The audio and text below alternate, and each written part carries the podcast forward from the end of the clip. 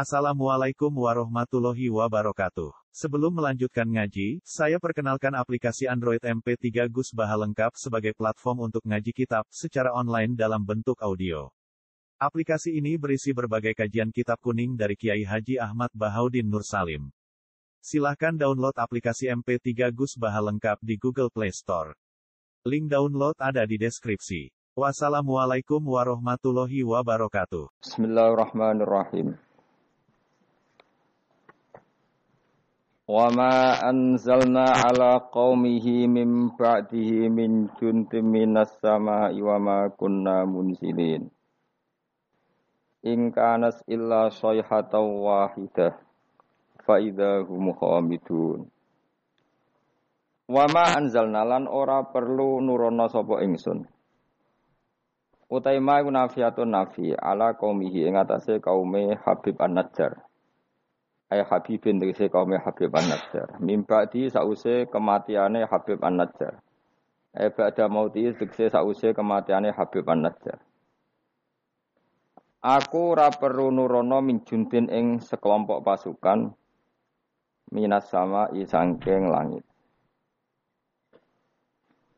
Ay mala ikatin tegese malaikat di ihlakihim krono rusak kaum atau bangsa Antokiyah nggih bangsa napa Ashabal Korea.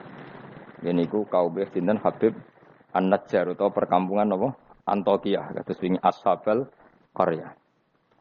Wa makunna lan ora ana sapa ingsun munzilina iku zat sing nurono malaikat. Eh malaikat dan tegese nurono malaikat li ahadin. Krana ngrusak wong suwiji. Ingkanat ora ana, ae makana tegese ora ana apa ukubatuhum, apa nyiksa ashabil Korea. Ora ana iku ila sehatan kecuali sak bengokan. Sak teriakan, bengokan teriakan wahidatan kang siji. Soha kang teriakno bihim kelawan ahli Korea sapa Jibril Jibril. Faidan mengko nalikane ngono. Ketika terjadi teriakan hum utawi ashabul Korea khamiduna iku mati kabeh manane sakituna. Tegese anteng kabeh mayutuna terus mati kabeh. Ya hasratan duh cilaka banget, to getun banget alal ibadi atase pira-pira kawula. Manusa iku mok kawulane pangeran, cek tunane ora gelem iman. Ha ula. Tegese mongkono-mongkono ashabul qarya wa ghairihim lan yane ha ula. Miman sanging wong kadzabu kang gorono sapa man ar-rusula ing rusul fa uhliku mongko den rusak sapa man kadzabur rusul. Miman sanging wong kadzabu kang gorono sapa man ar-rusula ing boro rusul fa uhliku moko den rusak sapa man sing kadzabur rusul. Wa ya utaya hasratan al ibadu siddatu ta'allumi iku bangete ngrasa lara. Wanita uha utawi nganggo nidak hasratan alal ibad iku majazun majaz eh hadza. Tegese utawi iki iku awanuki iku wektu nesira. Fahduri mongko tekao sira. Mayakti him mir rasulin. Mayakti ora teko him ing ashabil Korea sapa min rasulin sapa utusane Allah. Ila kanu kecuali ana sapa ahlul Korea bi iklan rasul yastaziuna iku ngenyek sapa ahlul Korea. Utawi kidawu iku masukun iku den giring. Mesti diarahno libayani sababiha krana nerangno sebabe hasrah. Sebabe ketunaan nistimalihi. Krana mengkune iki dawuh alas tizaihi mengatasi ngenyai asabil Korea al muaddi kang nekakno ila ilakihi maring dirusai ahli Korea al musabbabi kang kasababno anhu sangking ihlak apa al hasratu dadi gedun Alam ya rono tora mikir sapa ngake eh, ahlu Mekah ta tegese penduduk Mekah. Alqailu nakang ngucap kabeh lin nabi maring kanjeng nabi mereka komentar lasta mursala ora ana sira Muhammad mursalan wong sing diutus Wal istifamu te istifham li takriri krana takrir e alimu tegese ana ta ora ngerti sapa ngake. Kam pirang-pirang utai kam khobariyatun bangsa makna khobariyah bimana kasiron kanggo maknane kasiron. Makmulatun ingkang den amalno lima maring perkara badha sause kam mu'alliqatun kang naklekno. Naklekno nganggurno lima maring perkara qabla kang sedurunge kam anil amali saking amal. Mesti amale lafat sak durunge. Wal makna udah maknane ngene. Anna saat temen ingsun apa iku ahlak nah iku ngrusak ingsun qoblahum sedurunge penduduk Antokiyah atau sedurunge Ashabal Korea. Kasiron ing kelompok akeh minal kuruni sang pira-pira generasi. Ail umami tegese pira-pira umat. Annahum saat temene kaum sing dirusak, ail muhlakina tegese kaum sing dirusak. Ilaihim maring para pendusta, manane kaum Mekah, ail mukadzibina tegese kaum pendusta. Iku lahir jiuna iku ora bisa bali sapa al muhlakin. Afala ya tabiruna utawa ora gelem itibar sapa ngake bihim klan al muhlakin. Wa annahum tadawu annahum iku badalun dadi badal ilah. Ilah maknane ilah akhirih. Badalun dadi badal masa yang perkara koblau kang sedurunge iki biri adil makna keran jaga makna al madkuri kang wis disebut. Wa inan sedene kelakuan. Niki wa in wa in kulun nganggo makna kira ayat asim. Wa in kulun nan ora ana te saben-saben wong. Utai in nafiatun nafi au mukhaffafatun ta mukhaffafah. E kullul khalaiki ora ana tes kabehane makhluk mubtadaun. Utai dawuh mubtada lamma jamiun. Kecuali sak temene utai kabeh. Ik ladena munggu ingsun mukhdharuna bali kabeh. Lama te lama bitasdid lan ditasdid lama iku bi mana illa kanggo manane illa. O bitakhfifi to kelawan diwaca takhfif lama falamu mongko tilam fariqatun lam sing bedakno wa mau tema zaidatun zaidah Wa ing kullul lamma jami'un. Ora ana utahe sakabehane wong lamma jami'un kecuali sak temene kabeh. Utahe lafat jami'un khobarum mubtada khobarum mubtada. E masmunat keseden kumpul kabeh ladena ana ing sanding kita indana. Fil mauqifi ing dalam ora-ora mahsan badha basim sause tangine kabeh. Muhdharuna iku den hadirna kabeh. Lil hisabi krana hisab. Ute dawu muhdharun khobarun dadi khobar sanin kang kedua. Wa ayatun lan iku dadi ayat lahum kedhe wong akeh alal ba'si ngatasi tangi sangka kubur. Utai dawuh wa ayatun khobarun iku dadi khobar muqaddamun kang den disarjana. Muqaddamun kang den disino. Lan iku dadi ayat alardu te bumi almaitatu kang mati. Bitasdidi klan tasdid almayyitatu wa takhfifi lan takhfif almaitah. Kados kira kita no. Wa ayatul lahumul ardul maitah berarti kira ah takhfif tapi ana sing maca mayyitah. Ahyainaha.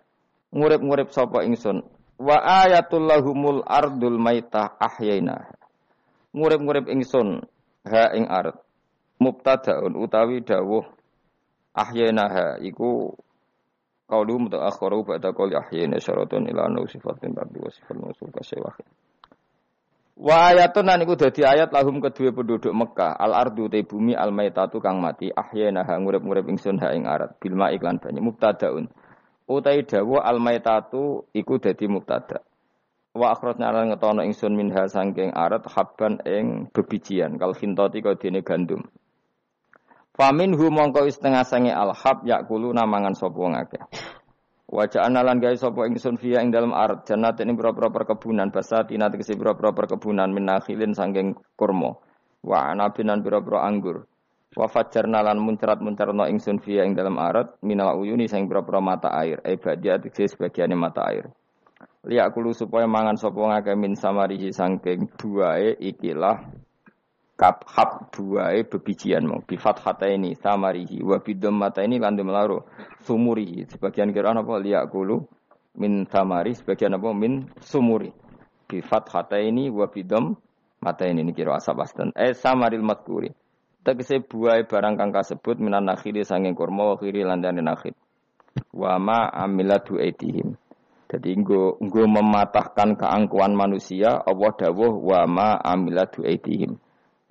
Kejadian utawa fakta utawa kenyataan bahwa beberapa bibijian, beberapa buah yang manfaat bagi manusia kabeh iku ma amilatu napa Aidi ma'amilat orang lakoni utawa orang menciptakan hu ing kabeh apa aidihim tangan-tangan mereka.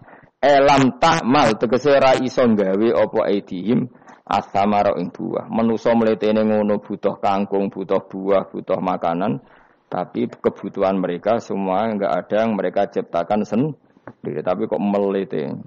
Elam takmal tegese orang lakoni sapa kabeh asamara ing buah. Manane ora iso gawe. Afala syukurun atau ana ta ora syukur ngakeh an umahu ing pira-pira nikmate Allah taala alihi ing wong akeh. Ya kula terangno ya. Terus eh kula niku berpikir ngitung. Berpikir ngitung. Saya berkali-kali matur ya. Mukjizat itu penting ya, tapi tidak sepenting logika kalimah thayyibah. Saya ulang lagi ya.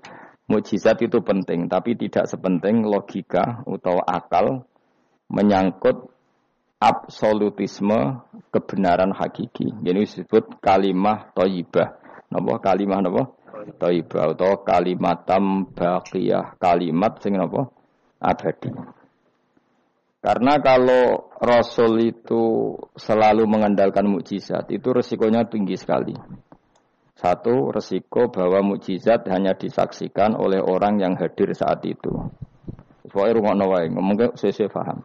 Ya, resiko mukjizat apa? Satu, hanya disaksikan orang yang hidup di zaman itu. Kedua, itu pun mukjizat punya sisi yang di mana sesuatu yang spektakuler itu bisa dianggap sihir oleh yang tidak percaya. Terus ketiga, setelah zaman itu lama sekali, maka berita itu bisa dikatakan hoax atau bohong atau mana buktinya. Sebab itu Al-Quran itu cerita mukjizatnya Nabi itu tidak banyak. Soal kue muni akeh itu mergo kue nganggur, jadi terus seneng hal-hal yang spektakuler. Jadi ku bawaan wong nganggur, bawaan wong ora iso mikir, bawaan semi-semi uteke cek kafir. Jadi iman wae butuh mujizat. Sebetulnya kebutuhan itu naif. Kalau terang nong, gue nak paham iki tak jamin, paling semuanya jadi wali, wali ndedean apa? Wali dedean. Wali dedean itu yes. Angger wong mukmin gini apa? Wali dewe kita. Tapi yang dedean dia coba yang nopo ya Si Abdul Qadir, Abdul Hasan Asadili, Abdul Al Haddad, wae wali wah itu maknane loro. Nak wali tenan kok Said Abdul Haddad wong sing dikasih Allah, paham ya? Tapi nak ana dawuh ning Ihya kullu mukminin wali wah saben-saben mukmin iku wali wah maknane wali wong sing disakeni Allah, paham ya? Terus maknane loro. Kowe makna sing ndi? Sing pertama sing kedua? Oh? Yo pancen tenan, setiap orang mukmin itu walinya Allah, tapi maknane piye? Sing disakeni kok dikasih, dikasih dhuwur temen. Sing disakeni. Lha iku sing kowe mlebu ayat Allahu waliyul ladzina amanu. Iku nak wali tenan dimaknani kekasih Allah, lah nak wali kaya kowe, wong sing disakeni Allah. Sama tak warai iman sing bener. Rungokno tenan ya. Saya itu tidak punya obsesi apa-apa di dunia kecuali saya ingin membawa kalimat thayyibah secara benar. Begini misalnya. Satu ditambah satu berapa? Enggak jawab ya. Orang wes paut lah, paut cek TK. Sementing imannya bener. Satu tambah satu apa? Dua. Ketika kamu jawab dua itu butuh yang membawa kebenaran itu punya mujizat apa enggak? Enggak kan? Karena satu tambah satu dua itu kebenaran yang absolut. Sehingga kita ditawarin hadiah maupun tidak ya tetap bilang dua. Baik yang membawa mujizat, membawa mujizat apa enggak kita tetap bilang apa? Dua. Makanya sebetulnya minta mukjizat itu masalah. Saya andekan menyaksikan mukjizatnya Nabi rembulan itu terbelah. Andekan saya menyaksikan mukjizatnya Nabi Musa laut merah terbelah, saya tidak akan tambah iman saya. Karena iman itu sesuatu yang absolut, yang enggak butuh legitimasi mukjizat. Sehingga minta mukjizat itu dari awal sudah masalah menurut Quran. Mungkin ilmu ini agak aneh bagi kalian karena kalian ini sudah punya utek-utek elek. Utek elek itu ya yes, ya utek elek. Makanya harus tobat. Misalnya ono wong ayu, iku ayu ta ora? Secara objektif ayu. Terus kayak mendingan ora rasane, tarane elek wae. Nah itu kira-kira uteknya sampean begitu. Itu bahaya utek seperti itu harus ditobatkan, diruat. Cara wong Jogja diruat. Nenggone gunung, nenggone segoro kidul, nenggone ndi ku? Nggon ruwat ku ndi, Mas? Kowe tahu tak ruwat? Ning ndi? Ning watu apa? Kula nate mriku ping ruwat Mustofa ra gelem sirik direne. Nak gelem ren tak ruwat biayai, paling tak biro kembang sak taman ya. Golekno ning pasar kembang. Tapi ora sarkem, pasar kembang tenan. pasar kembang tenan, sini pasar iki lho maksudnya. Pikirannya kok Tidak kamu tak latih iman secara benar. Betul ini. Saya tidak main-mainnya. Saya sampai ketemu Allah bertanggung jawab. Enggak tak latih. Iman sebenarnya hal yang mudah. Sangat mudah. Satu ditambah satu itu berapa? Dua. Kamu mengatakan dua itu nunggu dikasih hadiah yang bedei apa enggak? Enggak. Lalu menunggu diancam apa enggak? Kalau tidak bilang dua tak bunuh enggak kan? Karena kebenaran yang absolut. Lah Allah sebagai Tuhan itu kebenaran yang absolut apa enggak? Absolut. Sehingga harusnya harusnya Allah kan tidak bikin surga pun kita tetap bilang Allah Tuhan. Allah tidak nakut-nakuti dengan neraka pun kita tetap bilang Allah itu Tuhan. Dan yang mengajarkan bahwa Allah Tuhan yaitu Rasulullah Muhammad gak perlu bawa mukjizat yang spektakuler. Sehingga mukjizat itu masalah. Makanya tidak ada imannya sahabat karena mukjizat. Abu Bakar iman dengan kesadaran, Umar iman dengan semua khiyarus sahabat iman itu dengan kesadaran. Mukjizat itu hanya diminta orang-orang aneh-aneh, iku kafir-kafir elek, muni wa lan nu'mina laka hatta tafjura minal ardi yambu'a. Jadi mukjizat itu diminta orang sing aneh-aneh, sing brengkel jero Terus ya itu tadi seperti tadi, satu tambah satu berapa anak-anak? Ya sebetulnya dua, tapi kalau nggak dikasih papa tak jawab lima. Kalau kamu ingin iman masuk surga, utak kamu ijek kok catekan. Nanti ke iswargo Gusti Jinan tak arani pangeran. Nah ora serah pangeran.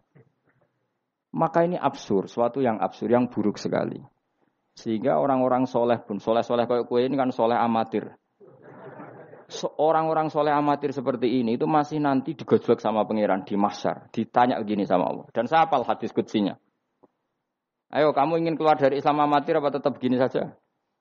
Keluar. Nah, keluar kudu ngrungokno ngaji. Laulam akhluk jannatan wala naron. Ini kata Allah dalam hadis kutsi. Alam akun ahlan an uto'a. Saya masih hafal teksnya seperti itu. Kalau saja saya tidak menciptakan surga dan neraka, apa saya sebagai Tuhan itu gak layak kamu toati? Jadi ketika orang-orang soleh amatir kayak kue, kue neng dunia sujud, sujud gusti, darahnya aku pangeran, gih gusti, opaya nopo, swargo gusti. Pas wes kue pedia pembu swargo pangeran tako, umpama aku orang gawe swargo, aku tetap arani pangeran tau ora. Terus kue mulai, Budi Gusti ya, wong daran jenengan pangeran yang penting nih, mboten jenengane pangeran. Oh neraka Karena kita bilang satu ditambah satu saja dua tanpa presentasi yang membedai atau yang uji memberi hadiah atau tidak. Karena kita bilang dua hanya butuh kewarasan, apa? Nak kue waras darani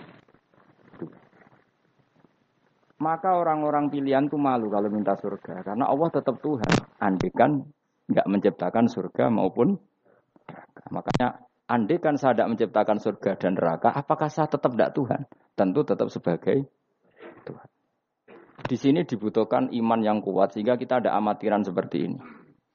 Ngapalo Quran yang mergono bonus umroh. Itu apa-apaan. Seneng Quran kok ngenteni rangsangan bonus. Kuliah gratis. Untuk jalur khusus. Itu apa-apa. Kue gedeng yo keliru. Wong Quran saiki berkah kok kue gedeng. Tapi kayak setuju goblok tak jamin. Kue milih ndi? Goblok apa? Pilihannya loro tok. Nara setuju hasud, setuju goblok. Orang yang mau goblok, goblok. Wong seneng Quran kok ngenteni rangsangan hadiah, seneng umroh. Quran itu kalamu kita, kalamu Robbi, ngentikane pangeran. Kok senengnya ngenteni bonus ini apa-apa? Kampungan banget. Lalu kalau kamu senang suatu coba sekarang, kamu mengatakan langit indah, itu kan objektif. Ya karena langit indah. Jangan sampai kita, HP ini penting nggak? Oh penting untuk komunikasi. Tapi kira wekmu, oh serap penting. Nah, kacau kan kalau semua hukum digantungkan kepentingan pribadi. Quran itu kalamu wah selalu indah kapan saja. Meskipun kita tidak tahu untungnya apa kita senang Quran. Misalnya nggak nggak tahu untungnya umroh apa enggak, nggak penting. Dari awal kita mencintai Quran karena itu kalamu Robbi, apa? Ini kalamnya Tuhan saya. Saya mencintai dia. Saya mencintai Allah, maka yang berbau, yang tentang Allah kita cintai. Tanpa presentasi, dapat hadiah apa enggak, menghormat apa enggak. Saya sebagai orang alim juga gitu. Saya nggak peduli sama hormat saya enggak, peduli. Goblok kalau saya gitu. Segoblok-gobloknya. Saya orang alim diwajibkan mulang ya mulang. Dan saya mengharap ridhonya Allah. Terus gue ngaji, gue lihat ridhanya Allah, gue lihat itu selesai kan? Enggak ruwet. Ojo kok gue ngaji, aku ngaji Gus Ba nak sido alim, nak alim ra ngaji malah ra ngarak, malah ra bakal alim. Ngaji ngaji saja, lha alim gak penting. Saya ulang lagi ya. Saya pernah matur ini bahkan di depan mas saya sarang. Sebab itu Nabi pernah ngendikan secara ekstrim dan ini ekstrim yang baik. Tapi jangan disalahpahami, sarang lang jangan disalahpahami. Nabi pernah ngendikan gini, mangkola la ilaha illallah dakhalal jannah. Terus ada sahabat tanya, wa in zana wa in saraka yarqal wa in zana wa in. Siapa pun yang meyakini la ilaha illallah maka dia suatu saat pasti masuk surga. Meskipun pernah zina, pernah maling. Iya, kata Nabi, meskipun pernah zina dan pernah maling. Karena apa? Kebenaran absolutisme, kebenaran yang absolut itu tidak terkait koilnya yang mengatakan. Saya berkali-kali mencontohkan. Saya ketemu lonte di Indonesia atau di Mesir, siapa saja. Atau bandar narkoba, atau siapa saja. Tak tanya, satu tambah satu berapa? Kira-kira lonte jawab berapa? Tidak jawab saja, biar sampai pinter. Dua. Bandar narkoba ditanya jawab berapa? Dua. Yang di penjara KPK jawab berapa? Dua. Kemudian ada rektor Al Azhar tak tanya, satu tambah satu berapa Pak Rektor? Lonte sudah bilang dua, penjahat sudah bilang dua, para begundal sudah jawab dua. Terus dia karena rektor Al Azhar, kalau saya tiga. Kira-kira ini rektor geblek apa enggak kira-kira? Geblek. Kira-kira, tapi tentu itu tidak mungkin. Tetap dia pun jawab dua. Dia nggak peduli, wah saya rektor kok jawabannya sama dengan penjahat. Karena kebenaran absolutisme itu tidak pernah bergantung kamu rektor, apa kamu siapa saja. Paham ya? Sehingga dalam ikrar bahwa Allah Tuhan itu kita sama dengan lontre, dengan penjahat sama. Semuanya ikrar kalau Allah itu Tuhan. Karena kebenaran absolut tidak bergantung siapa saja. Makanya Nabi ngintikan wa in zana wa in saroko. Meskipun yang melafatkan itu orang zina maupun maling. Karena tadi kebenaran absolut. Kira-kira lonte kamu tanya, lombok pedes tidak? Dia kira-kira enggak tak jawab yang lucu-lucu, biar otak sampean tuh waras. Tak, makanya dimulai dari hal yang gampang-gampang saja. Lonte ditanya, lombok ini pedas apa manis? Pedas. Penjahat yang ditahan KPK, Pak Prabowo, Pak Jokowi. Jawabnya sama, jangan terus kubu sebelah jawab apa. Iya ada seperti ini. Karena kebenaran ini Absolut. Yang di penjara KPK bilang Lombok itu pedas, yang penjara juga. Bukan kok gini, kata yang di penjara. Lombok apa? Kata ketua KPK apa? Pedas. Oh saya jawab manis. Saya akan dendam di penjara dia. Tidak bisa. Lalu aku Mustafa agak senang. Tetap tak arani Lombok itu pedas. Misalnya loh, ya senang Mustafa tak bully terus. Misalnya aku rasa senang Mustafa. Terus dia ini jawab Lombok pedas. Apa saya terus muni manis? Hanya nuruti gak?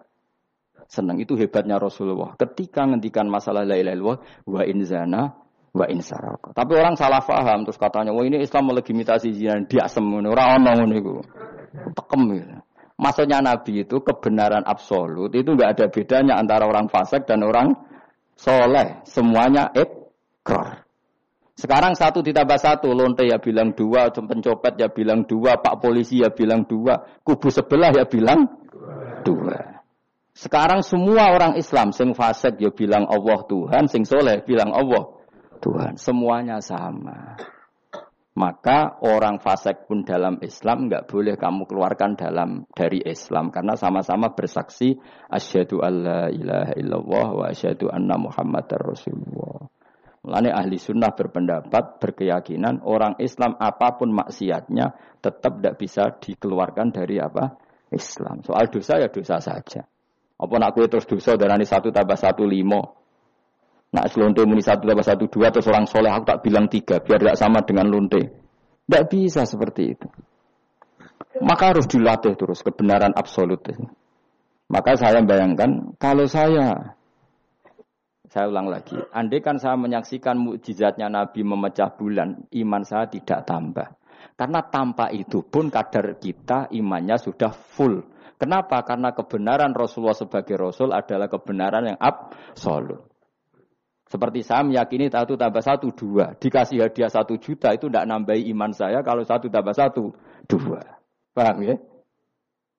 Enggak, enggak, enggak tambah kan iman kamu. Satu tambah satu dua. Terus kamu dikasih hadiah satu juta.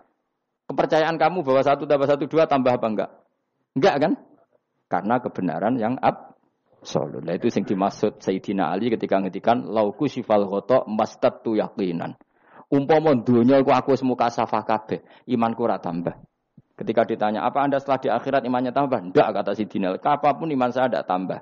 Maksudnya tidak tambah karena kebenaran absolut. Siapa pun yang mukmin secara benar, itu imannya sudah 100%. Maka tidak akan tambah dengan hal-hal yang baru. Paham ya? Jelas. Kayak tadi, satu tambah satu kamu jawab berapa? Dua. Itu kebenaran itu kamu imani kan sudah full 100. Kemudian yang bedai kamu, yang nguji kamu, sudah kamu tak kasih satu miliar, sudah kamu tak kasih umroh. Iman kamu satu tambah satu dua tambah apa enggak? Enggak. Karena kebenaran absolut. Maka nanti setelah saya masuk surga tanya Allah, ha imanem tambah enggak setelah saya melihat surga? Ya tetap Gusti, tetap engkau sebagai Tuhan yang hakiki. Lah seneng tambah lah niku tambah mergo kelon mau cara keren ngene soal ta. Nggih, nak rugen kita koi. Imanem tambah gak gen, mbok jabe. Mboten Gusti. Nak seneng tambah ki tambah lah Gusti riyen elek sakniki ayu lah. Tapi ya urusan seneng mawon, tapi nak imannya Enggak perlu tambah karena tadi Allah Tuhan itu kebenaran yang ab, absolut. Jelas ya? Jelas tuh. Maka kebenaran yang absolut ini sebetulnya enggak perlu mukjizat. Maka mukjizat itu hanya diturunkan sesekali saja oleh Allah di semua nabi. Bahkan mukjizat sering menjadi problem. Karena tadi kalaupun diturunkan ada potensi dituduh sebagai sihir. Makanya Allah nanti ngendikan uh, apa walau fatahna alaihim babam minas sama fadhallu fihi arujun ya laqalu innama sukirat absaruna bal nahnu qaumum masurun. Muhammad nak kaum jaluk mujizat ora usah turuti. Umpama langit itu tak buka. Kemudian mereka terbang ke langit menyaksikan alam malakut saya. Mereka akan bilang innama sukirat absaruna kita-kita ini disihir Muhammad itu sama seperti peristiwa pecahnya rembulan. Pecahnya rembulan peristiwa yang dahsyat. Sahabat iman tapi ya dingin saja. Kenapa dingin? Karena sampai itu pun mereka sudah iman bahwa Rasulullah itu adalah Rasul yang hak. Karena bukti logikanya terlalu jelas.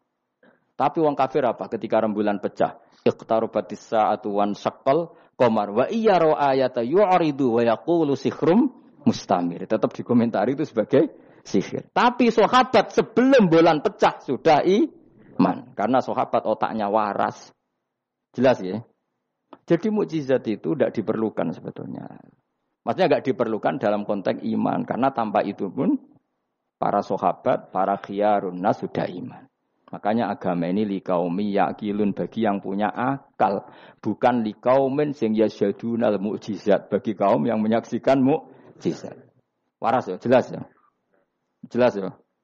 Mulane ke sebenarnya ana masar iku aku mau swarga war kowe mergo mau ijek takoki pangeran. Munggo aku ora gawe swarga, aku ijek pangeran ta ora. Terus kowe mikir sik. Bahaya ya. Eh berarti aku jadi pangeran mbok pikir sik kecuali kowe tak kei swarga, iki tak takoki pangeran ngono piye. Itu ibarat Pak Guru tak jawab dua asal kamu kasih hadi. Ya, nah ndak tak katakan tiga, itu utek. Allah tetap sebagai Tuhan meskipun enggak menciptakan surga maupun neraka. Karena ketuhanan Allah adalah absolut. Makanya Allah sering ngendikan dzalika bi anna wa huwal haqqu wa anna ma yad'una min dunihi wal batil wa anna wa huwal aliyul kabir. Allah selalu punya sifat abadi bahwa dia zat yang hak. Yang lain menolak Allah adalah barang batil. Hak akan selalu hak, enggak butuh pendukung, enggak butuh apa-apa. Karena hak itu berdiri sendiri. Makanya Allah mensifati dirinya al-hayyul qayyum yang berdiri sendiri. Jelas ya? Lah iman-iman kita ini iman-iman yang amatir. Pemenang ngaji kiai-kiai sing senengane ya cung yo pokoke maca istighfar swarga, istighosa swarga.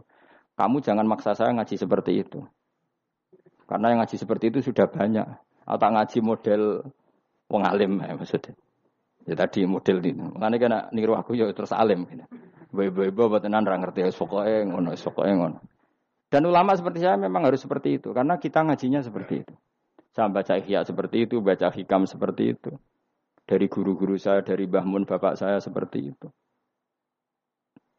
Makanya swargo itu buli-bulian mbek wali-wali. Ada wali yang tawani pangeran. Jong silahkan bu swargo takokin. Di surga bisa sholat gusti saya. Iso ya. Oke kalau gitu. Karena gak iso bayang no. Nikmati dadi kawula kok ora sujud tuh gak iso bayang no wali-wali. Nah kowe kan gak kelon ora iso bayang no. Uteke wis elek. Beda desain uteke wali wek. Ambek wong ngene-ngene iki beda. Beda banget tapi beda biasa. Jadi uteke wali ku wis aneh. Jadi karena dia merasa gak bisa terpisah dari Tuhan, Karena semua kebutuhannya tercukupi hanya oleh Tuhan, maka dia bayangkan, ini swargo ada enggak sesuatu yang saya kasihkan kepada Allah, saya dermakan, saya khidmatkan untuk Allah. Kalau swargo kok mau kelon, terus mangan, terus apa-apaan ini. Jadi masih apa ya? Makanya dia aneh, masuk surga itu masih asing. Sampai ketemu Allah, wujuhu yawma idin nadhirah ila rabbiha nadhirah baru puas. Kalau kamu kan enggak surga, mlebu swarga glundang ora takok sing duwe terus golek widadari kelon mangan kelon mangan. Ya sudah seperti itu. Sampai ditakoki Allah ora paham mergo iki sing duwe sapa wis pokoke ngono. Ya tapi ya lumayan lah sementing ning swarga. Tapi insya Allah yang jenis ini tidak ketemu saya. Saya juga agak ingin ketemu. Isen lah cara kalau tadi. Cara muruah harga diri ketemu jenis seperti ini. Ya tapi lumayan. Apa? Masih apa? Di surga. Itu yang disebut fa'amma apa? Uh, yang ashabul yamin itu visi dream makhdud wa talhim mandud wa dilimam itu pokoknya pakanan semua wa ma'im masku bafagiyatin kasiro la maktuati wala semakan-makan bermakan jima inna ansa'na guna insya'a faja'alna guna tapi kalau orang mukorrobin Allah itu enggak gambarkan nikmatnya mukorrobin. Fa'amma ingkana minal mukorrobin farohu. Dan karena semua kenikmatnya itu roh. Roh itu malah enaroat wala uduna samiat wala khotor ala kolbi basar. Dia nikmati di surga karena al mukorrob dekat sekali dengan Allah. Makanya di kitab-kitab wali itu banyak. Abdul Qasim al Junaidi, Abu Yazid ditanya, tanya sama Allah, ya Allah, kenapa saya tidak melihat umat saya? Padahal engkau berjanji umat saya yang mencintai saya masuk surga. Dijawab Allah, sebenarnya umat kamu di surga semua, tapi nggak ada yang ingin ketemu saya. Bareng didelok ya mau do kelon, do Makanya kayaknya saya ada ketemu sampean ini karena itu tadi itu, itu, itu, itu. Jadi karena itu tadi orientasinya beda lah. Orientasinya. Tapi tetap swarga ya. Swarga. Eh mbahmu tapi milih. Kudu ngamal enak wis mbrono. Artinya sampean sepenting tak latih, tak latih iman itu nganggo kalimah toibah. Iman itu kalimah toibah kira-kira logika yang terbangun secara benar. Sehingga dikalimatkan ya juga secara benar. Nah, disebut kalimat tuh hakin alaiha nahya wa alaiha namut wa alaiha nub wa Kalimat yang memang kalimat yang absolut. Ya satu ditambah satu dua itu absolut. Ketuhanan Allah lebih dari itu. Sangat-sangat absolut absolut. Maka kalimat ini pula yang kita berani hidup juga kita berani mati. Dan insya Allah dengan kalimat itu pula kita nub'af. Insya Allah minal amin. Orang kok sidik-sidik kalimat tuh amin swargo jalu amu mbahmu. Swargo ya jaluk kadang-kadang aja. Kalau istighfar ya jarang jaluk swargo. Ya kadang-kadang aja. Kita minta bahwa kalimat ini menjadi kalimat sing abadi. Sementing mati husnul khotimah. Dalam keadaan meyakini kalimat itu. Meskipun ya mau ke tetap walimu wali amatir mau. Gak apa-apa lah amatir lah nak wali. Ya tadi karena semua orang mukmin itu wali. Allahu waliul ladzina aman. Engko nak wali tenan maknane wali yo kasihane pangeran. Nak ora wali tenan sing disakeni pangeran. Engko iso urip mergo disakeni napa? Ini penting saya utarakan. Sekarang tuh banyak orang yang nggak pernah ngaji khatam. Jadi senengane paket swarga. Al-hajjul mabrur laisa lahu jazaun illal jannah. Ibu ngambil gaji si BRI, angger ono waya BRI, BNI ra, angger ben setor ning BRI Al Hajjil Mabrur la jazaun ilal. Kulo nggih mun kaji tapi atau dalil iku. Sing ora kelar kaji kan ya sakake men. Kulon beberapa kali ngelepas tiang haji. Saat ini do ora jarang jaluk kulo, mereka do mangkel mana. mereka kulo angger ngelepas wong kaji ngeten. Kulo juga termasuk wong jujur. Jujur banget kulo nak bab ilmu. Mungkin perilaku saya jujur sampai nanti nak ilmu jujur kulo. Padahal wong lebu swarga lewat amal, mbek ilmu cepet sing lewat ilmu. Amalan ora cukup gue cepet cepetan lebu swarga. Tanpa ilmu kan amal tuh ditolak, tapi ilmu tanpa amal tetap sebagai ilmu. Makanya termasuk ilul ilmu, ilmu itu bisa berdiri sendiri tanpa amal. Tapi kalau amal nggak bisa berdiri tanpa tanpa ilmu. Saya kalau ngupas orang haji itu bilang gini, karena yang datang itu ya banyak yang nggak haji atau nggak haji atau nggak mampu haji. Dia niki nak dongakno dadi kaji mabrur, kaji mabrur walase swarga. Sing buatan kelar kaji dongakno salate iku nggih mabrurah, salat sing ditampa nggih mlebu swarga. Sing rumat anak ikhlas nggih swarga. Sing kere ikhlas nggih swarga. Sing syukur mergo tanggane kaji meskipun ra kelar kaji tapi melok seneng koyo senenge sing haji ge swarga. Mergo alamate wong mukmin seneng nak dulure seneng. Akhirnya sing kaji kan kecewa, perkarane ora fokus muji dekne. Mulane terus ra diundang meneh kan kira-kira gitu. Tapi aku malah beneran kan hisabku ringan. Daripada aku mentale model mubalek, haji ku fadilah ngene-ngene, ne multazam, Masya Allah. Neng Hajar Aswad muni manu, Masya Allah, Masya Allah, mergo disangoni sing order. Tapi dekne gak mikir ning guri wong do perkara nih ditekdir gak kelar gaji. Gawe ngenese wong fakir dosa dul-dul, paham ya? Iku kudu di ngajekno meneh. Mergo sing nyangoni iku dadi dipuji-puji. Enggak boleh ulama seperti itu. Namun balik oleh, nah ulama enggak boleh. balik ulama kan kelasnya beda, no? Balik sing alim maksudnya. Nah, sing alim no ya kembar lah, mesti kayak. Karena kita punya etika. Coba yang miskin semua umat Islam semuanya ingin haji, tapi gak kelar haji. Kok buat dalili fadilai haji, fadilai multazam. Yo nangis malah ngenes. Mulai kelar haji deh. Ya ibu-ibu sing rumah anake sabar senajan to anake rewel nggih swarga. Bapak-bapak sing rumah bojone rewel nggih swarga. Sementing syaratnya rewel lan sabar Nak sabar tanpa rewel ter, belum teruji kata saya. Jadi syaratnya bojo sabar kudu apa? Rewel.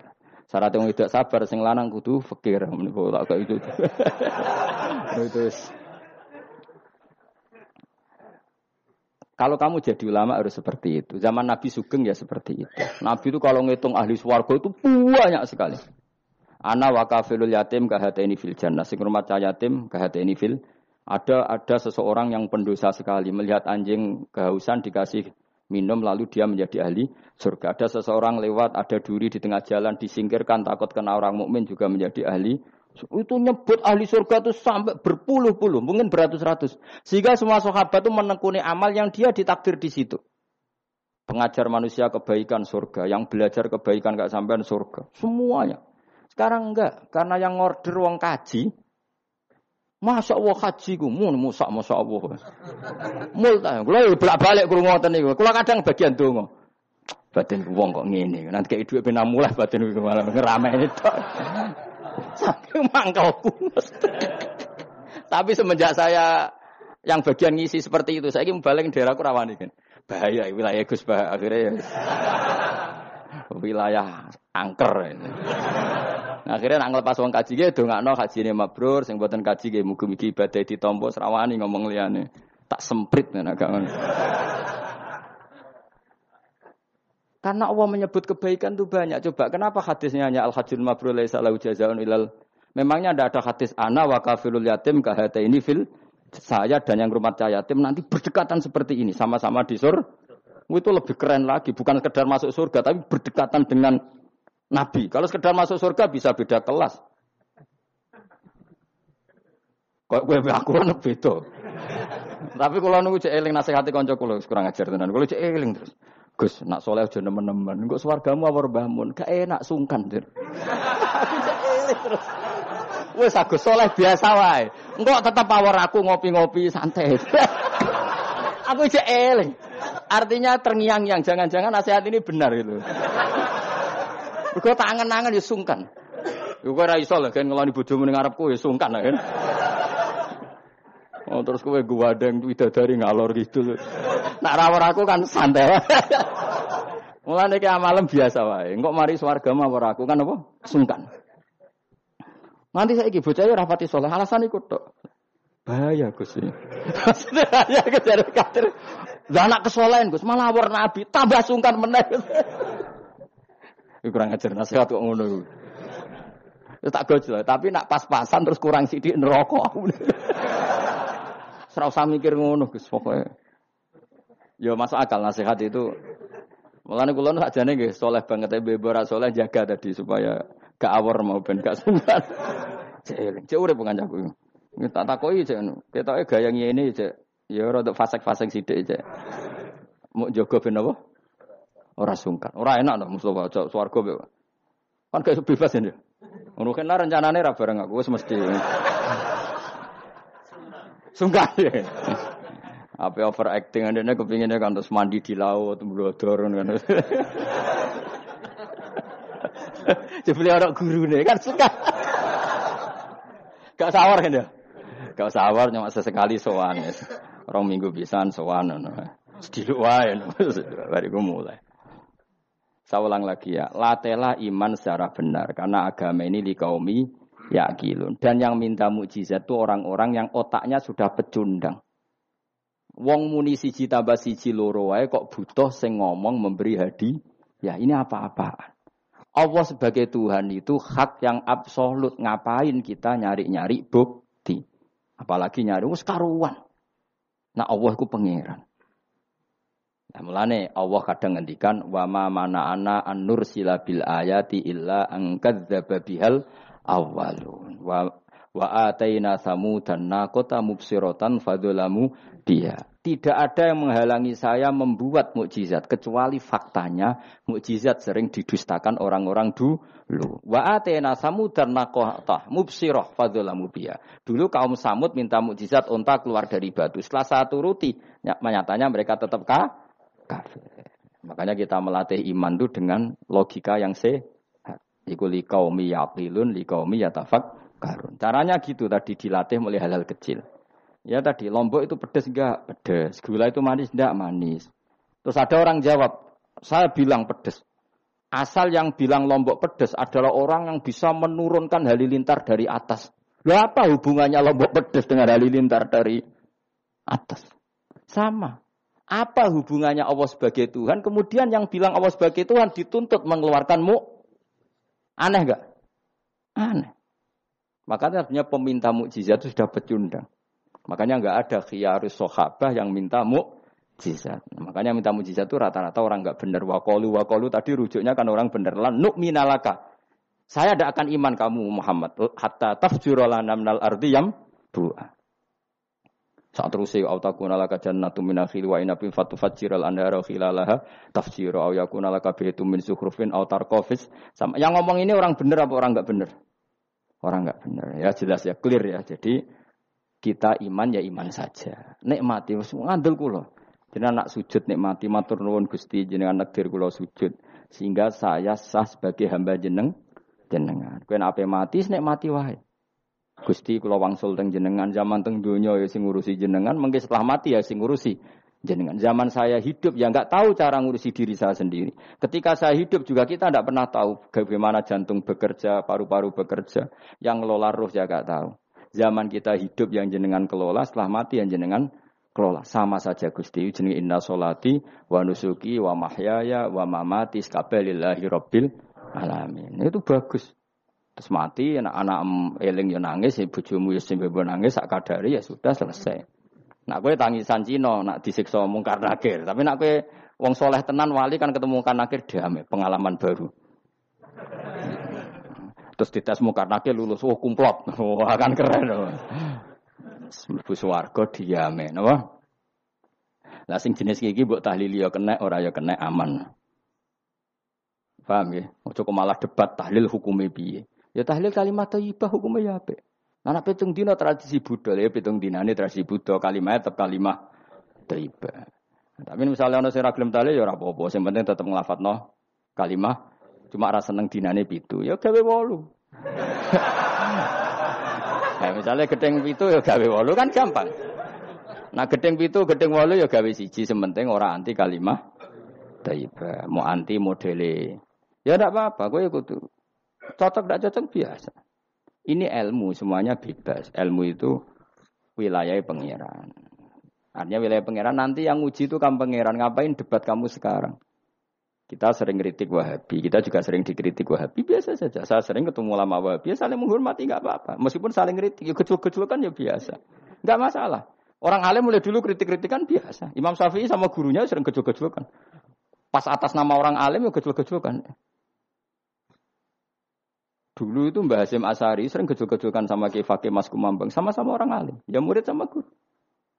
Karena ilmu itu memang apa ya? Kayak iya kayak enggak. Nah, yang ilmu absolut pasti sepakat. Misalnya tadi, apa kalimat taibah itu selalu baik? Pasti selalu baik. Ya sudah. Nah nanti cara kaifiah melafatkan itu orang yang bisa berdebat. Baiknya dilafatkan kapan ya? Ya baik terus. Tapi selalu ada pantangan. Misalnya di kamar mandi. Saat jima misalnya. Itu kan pantangan-pantangan secara etika. Apa? Pantangan-pantangan apa?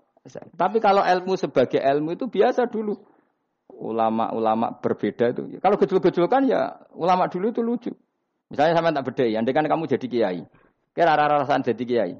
Baik mana anak-anak kecil di woro kamar wong tua apa dipisahkan. Andai kan kamu punya pondok, milih mana? Anak kecil disamakan kangkang besar apa dipisah? Eh, mau jawab, milih di di warna apa dipisah? Dipisah. Nah, oke hen. Dipisah. Lu akeh sing dipisah. Ada yang bilang di warna. Kalau di warna itu memang kalau dipisah itu resikonya sing kecil mentali cilik terus. Mergo ora sing didik sing tua.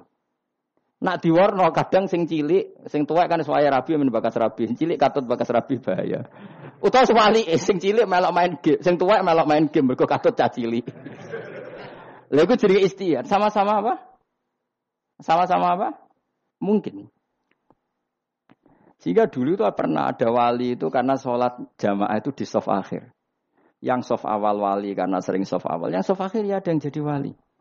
Yang soft awal nggak terima. Kenapa kamu jadi wali padahal kalau sholat soft di kalau sholat di soft akhir? Jawabnya saya tuh malu sama Allah. Kok kepedean betul kok di depan. Tapi gak jadi rule. Gimana cerita ya? Cek pede nih. Enggak ngarep. Karena dia di belakang motifnya tuh tidak males. Tapi motifnya itu apa? Tawaduk atau malu. Dia jadi wali. Nah, aku kan berkomales manjen. Atau mau mau rohimame tadi. Iku sing mari wali-wali. Sing kok ngarep kadang ambisi ngimami padha dene malah repot meneng. Jadi dulu ilmu itu biasa. Orang Maliki itu nak gojlok orang Hanafi itu yang tak ngame. Orang Hanafi kalau gojlok Imam Malik itu yang tak ngame. Ya biasa dulu itu ilmu. Ya biasa. Misalnya gini sampai tak bedai. Tidak jawab saja jujur. Rasulullah itu puasa Senin Kemis selalu apa kadang-kadang dalam semua riwayat. Kadang-kadang. Sesuatu yang kadang-kadang dilakukan Rasulullah itu akan sunat terus, apa sunatnya juga kadang-kadang. Ayo jawab saja. Wah, agak sing sarap ya. Rasulullah itu puasa Senin Kemis itu kadang-kadang apa terus? Kadang-kadang. Ini sudah masih benar. Sesuatu yang pernah dilakukan Nabi kadang-kadang itu menjadi sunat terus apa sunatnya juga kadang-kadang? Terus. Nah, sekarang gitu. Sebetulnya hadis kunut itu semuanya sepakat. Rasulullah kunut itu ya ahyanan kadang-kadang. Nah sesuatu yang pernah dilakukan Nabi kadang-kadang itu akan menjadi sunat terus ila yaumil. Maka Imam Syafi'i milih kunut terus. Abu Hanifah enggak. Bahaya kalau sunat kok dilakukan terus. Nanti dikira wajib. Sehingga Abu Hanifah tidak kunut. Dan itu ya biasa ketemu gitu. Imam Syafi'i kalau sholat di masjid Abu Hanifah itu tidak kunut. Ketika ditanya ikroman di hadal madhab, saya menghormati madhab. Orang Hanafi kalau main ke rumahnya Imam Syafi'i, ya kunut ya biasa dulu. Sekarang kunut dan kunut jadi politik identitas. Ini kunut. Sebelah ini mesti. Yang tidak kunut sebelah yang dulu itu ndak. Saya sampai sekarang nggak pernah tahu kunut itu tradisi ormas mana. Sampai sekarang nggak ada tahu. Karena saya orang alim, tahunya kunut madhab Syafi'i, nggak kunut madhab Hanafi. Dan itu sebelum tahun 12 dan 26 madhab itu. Udah tahu tuh maknanya madhab itu sebelum tahun 12 dan tahun 26. Jelas? Kok orang paham? paham? Jadi dulu lama ya biasa perdebatannya gitu. Apakah sesuatu yang pernah dilakukan Nabi secara ahyanan itu sunat terus? Apa sunatnya juga ahyanan ahyanan sekali tempo? Jawabannya apa? Terus. Tapi kalau terus bahaya nanti yang sunat dikira wajib.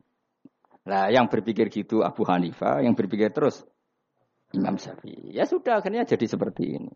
Dulu itu nggak jadi politik identitas, saling menghormati. Imam Syafi'i itu Abu Hanifah sudah kabundut. Pernah sholat di masjid Abu Hanifah tidak kunut. Ketika ditanya, ikroman lihadzal madhab. Saya menghormati madhab ini. Nggak angen-angen nak kunut terus nggak dikira wajib.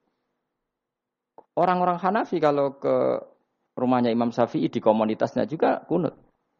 Ya sudah biasa dulu seperti itu. Makanya kita ini harus ngaji. Dulu itu biasa ulama gejol-gejolkan perkara madhab kayak yang saya contohkan tadi.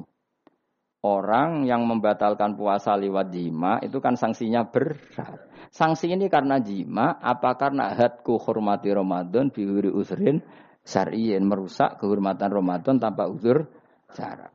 Cara Imam Malik karena merusak Ramadan tanpa uzur syara sehingga gak jima pun hukumnya sama. Yaitu misalnya makan tanpa uzur ya hukumnya sama. Kenapa sama? Jima istri hukumnya apa? Halal apa haram? Halal. Makan halal. Maka kalau itu kamu lakukan fina hari Ramadan, siang-siang Ramadan tanpa uzur sara, maka sanksinya sama-sama berat karena dianggap melecehkan kehormatan Ramadan. Cara Imam Syafi'i enggak, jima sama makan mulai dulu beda. Kamu makan wajib mandi enggak? Enggak, kalau jima wajib. Kan beda. Ya beda itu enggak sama. Ya sudah, Imam Syafi'i memberi sanksi berat untuk jima, untuk makan ti tidak. Wong padha pintere kan yo penak. Penak kan? Sing ora penak iku padha gobloke, padha sok pintere. Lah iku debate ra barbar iku. Padha gobloke, nak debat padha sok pintere. Wis naudzubillah min dzalik. Kulo nek debate wong malah kudu guyu. Malah melok goblok, ngrungokno tok malah melok goblok. Wong debat agama kok gak ana referensi, ra ana kitabe. Amen muni menurut saya. Memangnya Anda penting dalam wali ora, ulama ora kok debat agama menurut Memangnya Anda mujtahid? Kudune gak menurut kitab yang saya baca dalam mazhab Syafi'i kitabnya ini begini. Sing sitok bantah dalam mazhab Maliki kitabnya ini. Wah itu keren. Aku teko ning majelis Debat menurut saya. Emangnya Anda siapa? Nabi ndak, wali ndak, ulama ndak? Kok mau agama menurut Anda? Wis wargane ora mesti kok ape. Makanya dibiasakan pakai referensi, pakai sanat. Agama ini butuh sanat. Inna hadal ilma dinun fangzuru amman ta'khuduna dinakum. Lihat di mukaddimah Sahih Muslim. Agama ini ilmu, ilmu ini agama. Maka lihatlah ilmu itu kamu ambil dari ma? Dari mana? Karena tanpa sanat ini bahaya. Bahayanya tadi, misalnya begini. Ada orang alim soleh berteman orang kafir. Atau berteman orang fasik. Atau berteman perempuan cantik. Dia alim loh, alim soleh seolah lagi. Ada orang alim soleh berteman perempuan cantik atau orang fasik atau orang kafir. Pasti di hatinya satu. Wong ayu nak dikancani wong fasik, engkau malah melakukan hal-hal yang tidak terpuji nak dikancani wong alim, syaratnya soleh, saya ulang lagi, dibina, dijak ngaji, diarahkan yang benar, terus dinikahkan sama orang soleh. Ternyata pertemanannya hanya proses ngantar wong ayu tadi baik dan bernikah sama orang soleh. Berteman orang kafir ya dia mengajarkan hujah-hujah argumentasi Islam. Jika suatu saat berharap menjadi Islam.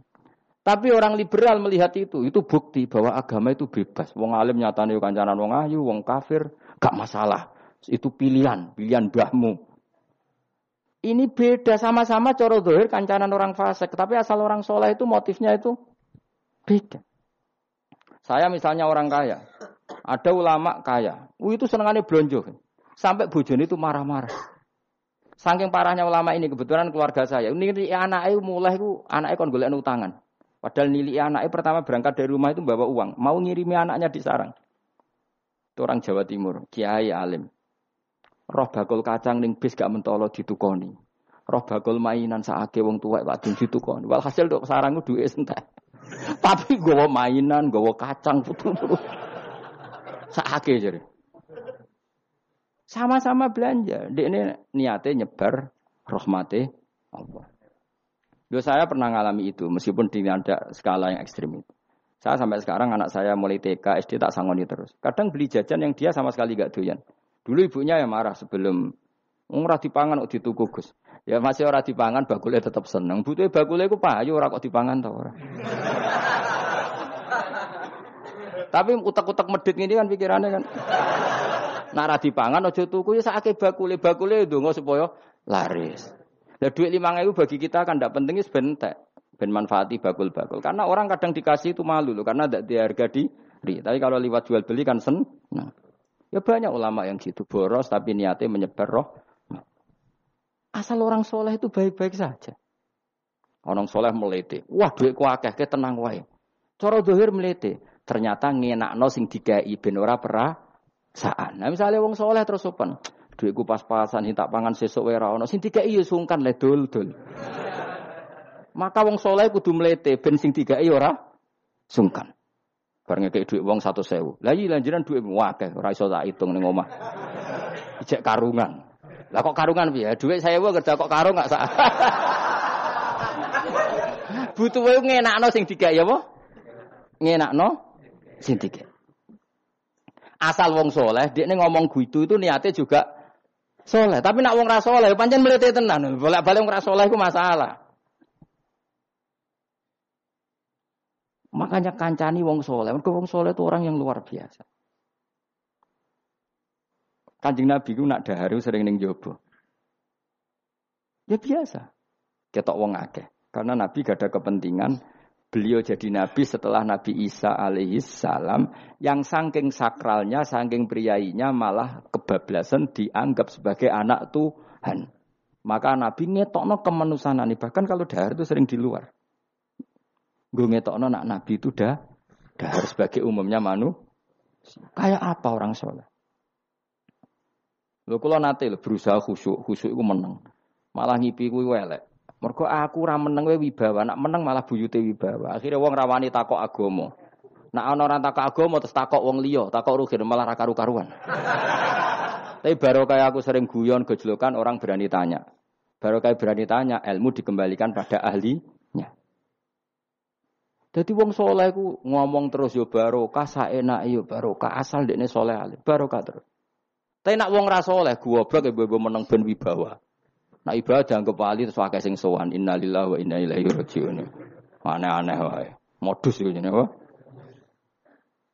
Lho iya, kayak kasus di Probolinggo, andai kan wong era jubahan niku ora ono percaya.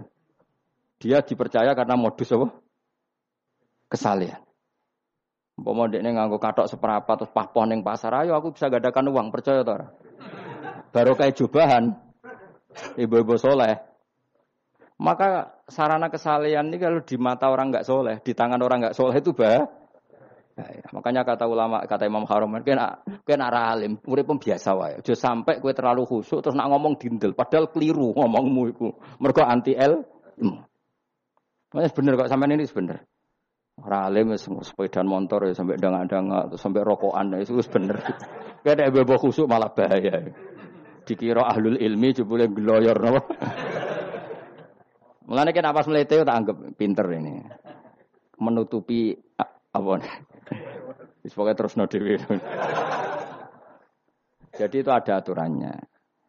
Pokoknya yang penting itu soleh alim. Makanya saya berkali-kali cerita, saya punya sanat sampai Sufyan bin Uyainah itu termasuk gurunya Imam Syafi'i.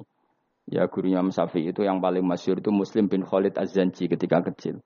Beliau diajari sufi oleh Sufyan bin Uyainah.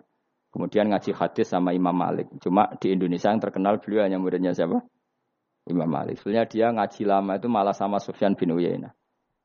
Sufyan bin Uyainah ini yang punya riwayat bahwa Nabi Isa dan Nabi Yahya pernah bertemu.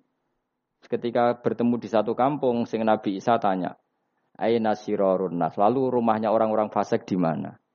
Sing Nabi Yahya selalu tanya, Aina khiyarun nas. Lalu rumahnya orang-orang baik di mana? Ini sama-sama Nabi dan sama-sama muda. Kita tahu Nabi Isa juga wa atainaul hukma napa? Sobia. Nabi Yahya ya Yahya khudil kita babi kuwah wa atainaul hukma Sobia. Nabi Yahya juga mulai cilik alim. Nabi Isa juga mulai cilik alim. Bayu kalimun nasa fil mahdi Wakala. Ini sama-sama orang alim mulai kecil hanya dua itu. Yahya dan siapa? Isa. Itu sezaman. Saya ulang lagi sezaman. Sama-sama anaknya orang keren. Yahya bin Zakaria, anaknya Nabi. Isa bin Maryam adalah wali besar nasabnya. Akhirnya Nabi Isa yang mulai tanya, lima datas al aina khiyarun nas. Kenapa kamu tanya rumahnya orang-orang baik di mana? Kata Nabi Yahya, kumpul orang soleh itu enak, nyaman. Ya kan nyaman kan kumpul orang soleh, tidak ada narkoba, tidak ada kegaduhan, tidak ada berisik. Terus gantian Nabi Yahya tanya, lima datas al aina nas. Lalu kenapa anda tanya di mana rumahnya orang-orang buruk? Terus kata Nabi Isa, anan nabi, saya ini nabi, biman zilati tobib, ibarat dokter, udawil marto. Maka saya mengobati yang sakit. Kalau Anda seorang dokter, nyari sampling penyakit, nyari di endemik daerah penyakit apa daerah sehat? Penyakit. Ya tapi kalau kamu takut ketularan, Nyari daerah sehat apa daerah berpenyakit? Itu sama-sama madhab dalam ilmu. Dulu itu ya biasa, perbedaan seperti itu biasa saja. Karena semuanya karena el, ilmu. Sekarang enggak, kubu sebelah yang ngotot, kubu sebelah ya. Dalilnya pokoknya. Mana ada ilmu dalilnya pokoknya? Pokoknya kunut itu gini. Kalau tidak kunut gini. Memangnya Imam Syafi'i lahir tahun berapa? Kunut tidak kunut itu ada sebelum tahun 12 dan tahun 26. Gue eleng-eleng. Nak di vulgar roh jadi vulgar. Nah iku rapam banget Maka orang-orang alim tahunya ya kunut dadak kunut itu al khilaf bina madzhabi Syafi'i madzhabi Abi Hanifah. Sekarang tahu-tahu di zaman akhir jadi politik identitas. Kayak misalnya begini, tak contohkan lagi perdebatan. Pakai peci putih. Gus Naji itu putranya Mbah Mun, meyakini pakai peci putih sunat sehingga santrinya pakai peci putih. Mbah saya pernah mbah saya Ki Hamid Pasuruan juga pakai peci putih. Santri sebelah kiri semuanya pakai peci putih karena putih itu sunat ya sudah pakai peci putih. Tapi kalau Mbah Mun itu santrinya nggak boleh pakai peci putih. Haram kata beliau. Kata beliau, "Jong kaji ini wong desa-desa nganti adol Tegal, adol sawah. Mbok saingi ketuli 5000." Kata beliau. Nglarakno atine wong dosa apa haram? Dosa, Mbah. Lah ya iku dosa, mulane haram. Sehingga takannya akan santri sarang semua. Enggak ada santrinya bangun pakai peci putih, kecuali yang sudah kaji. Karena pikiran beliau itu menyakiti orang katanya. Karena kaji ini adol tegal disaingi lima hari. Tapi Mbah Mun sebagai orang alim yang membiarkan pondoknya Gus Najib pakai peci putih. Mbah juga membiarkan ketika pondoknya Mbah Mun pakai hitam. Makanya saya keterusan peci Saya itu sudah kaji, tapi karena saya mulai dulu nggak pernah pakai peci putih, terus keterusan, keterusan sampai sekarang. Tapi suatu saat aku juga ngagukin kan, entah, entah kapan, suatu saat. Jadi aku soal Nabi ya keturunan iri, keterusan keterusan di no terus kebablasan ini. Itu logika istihad. Sama misalnya khasnya ulama itu pakai jubah, pakai apa? Ya sudah itu khasnya ulama. Terus kayak misalnya neng parkiran macak ngono. Alasannya anu tuh lama. Kira-kira menyinggung orang apa ndak kira-kira. Kue kelakuan cek karuan jubah sunah rasul terus kene parang tritis delok wong macem-macem jubah kacau gak? Elek-elek nasab apa enggak? Boy orang itu mikir jadi karena ada selalu masalah istihadiyah. Abdul bin Mas'ud dulu itu kalau sholat itu nggak pernah pakai baju resmi. Seringnya pakai sarung tok, kadang kadang nggak pakai baju. Ketika ditanya, kamu ashabu Rasulillah, kenapa sholat dengan cara seperti itu? Terus beliau ngendikan, wong ben roh nak standar minimal sholat seperti ini. Kalau saya sholat selalu pakai pakaian sempurna, nanti dikira itu aturan fardu. Dan umat menjadi berat. Sampai seperti itu lama menjaga konstitusi. Bahwa yang penting dalam sholat adalah satrul aurah. Zaman itu sudah sahabat dan tabiin karena Nabi sudah wafat itu sudah pakai pakaian lengkap. Tapi Abdul bin Mas'ud tiap sholat di masjid dia menunjukkan pakaian paling tidak lengkap. Jadi pernah beliau sholat itu hanya pakai sarung, terus diikatkan di apa lehernya. Ketika ditanya, dulu kita dengan Nabi pernah sholat seperti ini. Akhirnya ulama menjadi tahu nak ngono sholat paling pokok itu nutupi mabena surah war. Andai kan tidak ada cerita Abdul bin Mas'ud mungkin dikira sholat syarat sahnya ya seperti itu. Maksudnya pakai jubah terus, pakai pakaian begitu terus. Barokahnya Abdul bin Mas'ud orang tahu standar mini minimal. Jadi kalau ulama itu motifnya seperti itu. Rasulullah kira-kira senang kiamul lel apa enggak? Senang. Tapi beliau kiamul lel di masjid hari keempat, hari kelima sudah tidak keluar ke masjid. Karena Nabi kalau selalu melakukan nanti dikira ver, dikira ver. Tapi kalau enggak melakukan nanti orang tidak kiamul Maka Nabi pernah melakukan ya pernah tidak. Ya sudah itu konstitusi dalam tradisi ulama. Jelas ya. Saya sholat di pondok saya sendiri sering jadi makmum. Karena semua kiai sudah jadi imam. Nanti dikira syarat sanya imam itu kiai. Repot. Makanya saya tunjukkan kiai juga boleh jadi makmum. Andai kan semua kiai jadi makmum, saya nanti jadi imam. Ya semua ulama mulai dulu tradisinya gitu. Karena yang dikatakan fardu kifayah itu kalau sudah ada yang melakukan, yang lain tidak usah. Biar seim, seimbang. Sekarang enggak do geruduk geruduk kabeh. Makanya terus kacau. Coba sekarang misalnya gini, Andaikan semua orang melakukan kebenaran kesunatan, yaitu misalnya semuanya ambisi itikaf di masjid. Terus tidak ada orang melakukan kebenaran ngerumat cayatim, ngerumat jenazah, ngerumat jalan-jalan raya. Kan kacau. Mergo semuanya satu variasi kebenaran itikaf di masjid. Cayatime sedang do mati, mergo do itikaf kabeh. Tapi baru kayak ono sing itikaf ning perapatan, nak nong tiba iso nulung, nak nong kesasar iso tako. Baru kayak wong sing itikaf ning perapatan. Sayangnya tuh bidung itu barang sayangnya. Sajane niat itikaf ku sah. Nawaitul iktikaf linus roti torik. niat ingsun itikaf nulungi dalan ben nak onong butuh. Coba sekarang, orang yang celakaan, pertolongan emergensi orang yang itikaf di jalan apa yang di masjid? Di jalan, barokahnya banyak itu tim SAR gratis. Umpama do niat soleh kabeh bumine pangeran, sah mbok itikaf. Mulai sesuk gak apa-apa, itikaf ning perapatan. Tapi buktikan kamu tidak berbuat macam atau tulisi relawan orang tersesat. Jadi aja ini kebaikan tuh ada di mana-mana. Makanya Nabi menyatakan kebaikan orang itikaf jadi katakan Nabi baik. Orang yang jalan-jalan kemudian ada duri disingkirkan juga disifati Nabi orang baik. Orang yang rumah yatim disifati Nabi orang. Bahkan orang yang hubungan intim dengan istrinya sama Nabi ya disifati orang baik. Sampai sahabat tanya masa urusan gitu dapat pahala ya Rasulullah. Lu iya, andekan itu sama orang lain kan malah do dosa berhubung sama istrinya maka dapat pahala Kayak apa Nabi ngitung kebaikan sekian banyaknya. Tahu-tahu di zaman akhir kubunya saja yang baik. Ini apa-apaan? Ini kalau iskal deh. Yo ini, yo tobat deh. Kebaikan adalah sesuatu yang dikatakan Allah bah, baik di kubu kita maupun di kubu sebelah. Ya. Mau kubu sebelah ya apa saja. Baik, baik di partai kita maupun di partai sebelah. Maupun di ormas kita maupun ormas sebelah. Karena semua kebaikan otoritasnya di Allah Subhanahu ada nabi yang senangane ngurus wong fasik, Nabi Isa. Karena berpikiran nabi itu tobib, ya tobib itu yudawil mar untuk mengobati yang sah. Ada nabi kayak Nabi Yahya.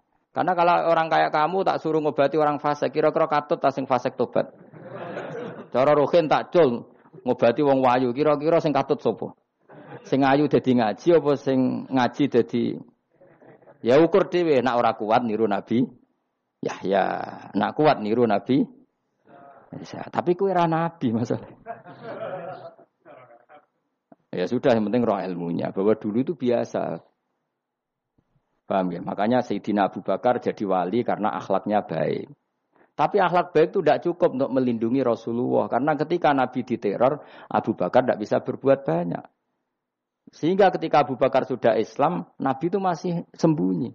Sampai ketika lihat Umar gelut di pasar Ukad, dia petarung yang menangan, Nabi berdoa, Allahumma aizal Islam bi Umar. Semoga orang seperti ini itu masuk Islam. Karena ini rapati butuh sopan, ini butuh petarung. Tenan, Umar masuk Islam. Masuk Islam hari pertama sudah bujal ditotok rumahnya. Kamu lo gawu Rasulullah Muhammad tak bunuh kamu. Semua orang diparani. Akhirnya bersamaan dengan itu ada khitab fasda bima tu'mar. Akhirnya Nabi berani dakwah secara ala niatan. Barokahnya mantan preman. Jadi kebutuhan Islam banyak. Butuh orang sopan, butuh petarung, butuh macam-macam. Butuh wong lomo, butuh wong fakir sabar itu sakit, rasa ditambah ini.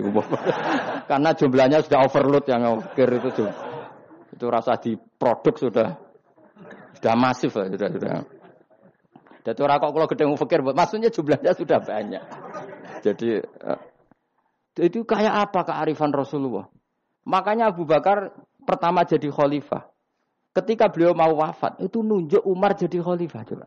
Padahal beliau wataknya lemah lembut, tapi menunjuk orang yang sangat kasar, yaitu Sayyidina. Karena beliau insaf, tidak semua kebaikan terwakili oleh orang berakhlak. Kadang kebaikan terwakili orang yang tegas. Kayak Sayyidina Kayak apa insofnya para sahabat? Iya toh, kalau di internal akhlak itu baik, tapi kalau di eksternal ngadepi orang nakal, yang baik itu orang tegas. tegas. Coba misalnya ada preman di perapatan, mau ganggu kiai, di santri sopan mau dilu, toh. pusing kan? Tidak di semua antri kayak roken mantan preman, ayo gelut, oh mati orang tinggal popo.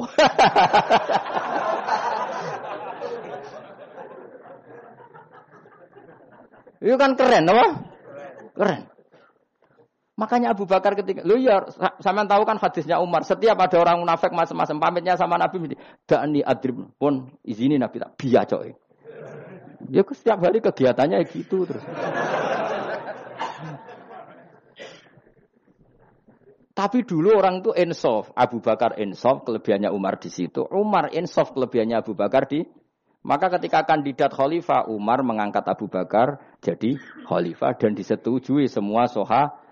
Ketika Abu Bakar mau wafat menunjuk Umar dan disetujui semua sahabat. Orang kok Abu Bakar pepe wong alus, ah golek sing sejenis aku ndak. Karena dulu semua orang itu pakai insof, pakai kesadaran sing super tinggi, tidak nuruti naf. nafsu. Lu saya andikan ada orang alim sekelas saya kok mau ganti tafsir Jalalain, ganti Gus Fikih yang mendesak Fikih. Terus dia alim nggak masalah ya. Salahnya dia alim keramat. Oh dia ngerti dalam mahfud nak setingkat aku. Nah roh berarti hop. Karena dulu itu begitu, lama dulu itu seperti biasa. Sekarang tuh ndak. Orang itu kalau ndak kelompoknya gak mesti salah. Abu Bakar itu Rokikul Kolbi. Rokikul Hawashi. Rikotul Kolbi. Tapi beliau justru menunjuk Sayyidina Umar karena dia tahu Islam itu musuhnya banyak, butuh orang tegas. Umar juga tahu bahwa di internal Islam itu butuh rikotul kolbi sehingga beliau hormat sama Abu Bakar. Tak pimpin aku, wah bubar kabeh. Tapi dari Abu Bakar, neng jobo aku, tok wong melete arano Umar. Sehingga dua beliau saling meleng. Dan itu luar biasa. Nah khilafnya ulama kira-kira seperti itu. Yang peci putih ya silahkan gue iling-ilingan nak putih itu sunat. Tapi sing piye kaji desa itu disaingi ketu 5000 gak terima aja, yakin deh, Bos. Nah, saya ini mulai kecil di sarang. Tapi mertua saya itu keluarga Pasuruan. Jadi saya ya Lucunya saya kalau ngajar di Pasuruan pakai peci hitam. Sebagian santri separuh pakai peci hitam menghormati saya. Sebagian pakai putih menghormati kiainya. Jadi jadi saya lihat ini ya sepanjang sejarah kalau saya ngajar itu jadi warna-warni itu karena tadi saya kaget doh kok banyak yang pakai peci hitam. Menghormati jenengan yang putih masih banyak-banyak separuhan. Ya gak ada yang merencanakan, ya alami saja. Nah, sampean bener di putih apa hitam? Putih apa hitam? Bebas. Karena tadi ini masalah nopo it's istihad. Pun kalau terus nang. Supaya sementing wow iman itu apa sesuatu yang absolut. Maka kita andaikan Allah tidak bikin surga neraka pun kita tetap i Sebagaimana kita mengatakan satu tambah satu dua dapat hadiah apa? Ada dapat hadiah ya tetap mengatakan du, dua. Satu tambah satu pasti dua. Subhanallah di mau suci zat kholaqa kang gawe sapa ladi ala azwaja ing pira-pira pasangan ari asnaf tegese pira-pira pasangan kullah sakabehane asnaf. Tak Allah gawe sing perkara tumbi tukang nukulno. Nukulno apa bahasa Indonesia menumbuhkan. Apa al ardu bumi minal hububi sanging pira-pira bebijian wa ghairi halan yani hubub Wamin anfusihim lan Allah gawe jenis sejodohan sangka awak dhewe wong akeh. Jadi Allah bikin sesuatu itu berjodoh-jodoh, berpasang-pasang pasangan. Termasuk manusia juga berpasang-pasangan. Minat zukuri sayang boro-boro lanang wal inasilan boro-boro wedok wa mimalan sayang perkara lamun kang orang ngerti sapa wong akeh. Maksudnya zaman belum ditemukan listrik misalnya atau belum ditemukan apa saja yang zaman itu enggak ada. Allah ngendikannya gini, Maha suci zat yang bikin tetumbuhan, bikin hewan semuanya berpasang-pasangan, termasuk manusia juga berpasang pasang. Dan Allah juga bikin berpasang-pasangan dari sesuatu yang sekarang belum dikenal di era itu. Jadi wa mimma layak lamun. Ya era itu misalnya nggak ada listrik, tapi setelah ada listrik ya sama, ada plus ada minus. Jadi sama tetap polanya asal selain Allah itu pasti berpasang meskipun sesuatu itu sekarang belum dikenal. Kayak zaman dulu kan belum ada listrik, tapi setelah ditemukan listrik juga ada plus ada minus. Itu jenis wa mimma layak lamun dan dari sesuatu yang kamu tidak tahu. Minal makhlukati sing pira-pira makhluk al ajibati kang gawokno al horibati kang aneh utawa kang longko alam wa ayatul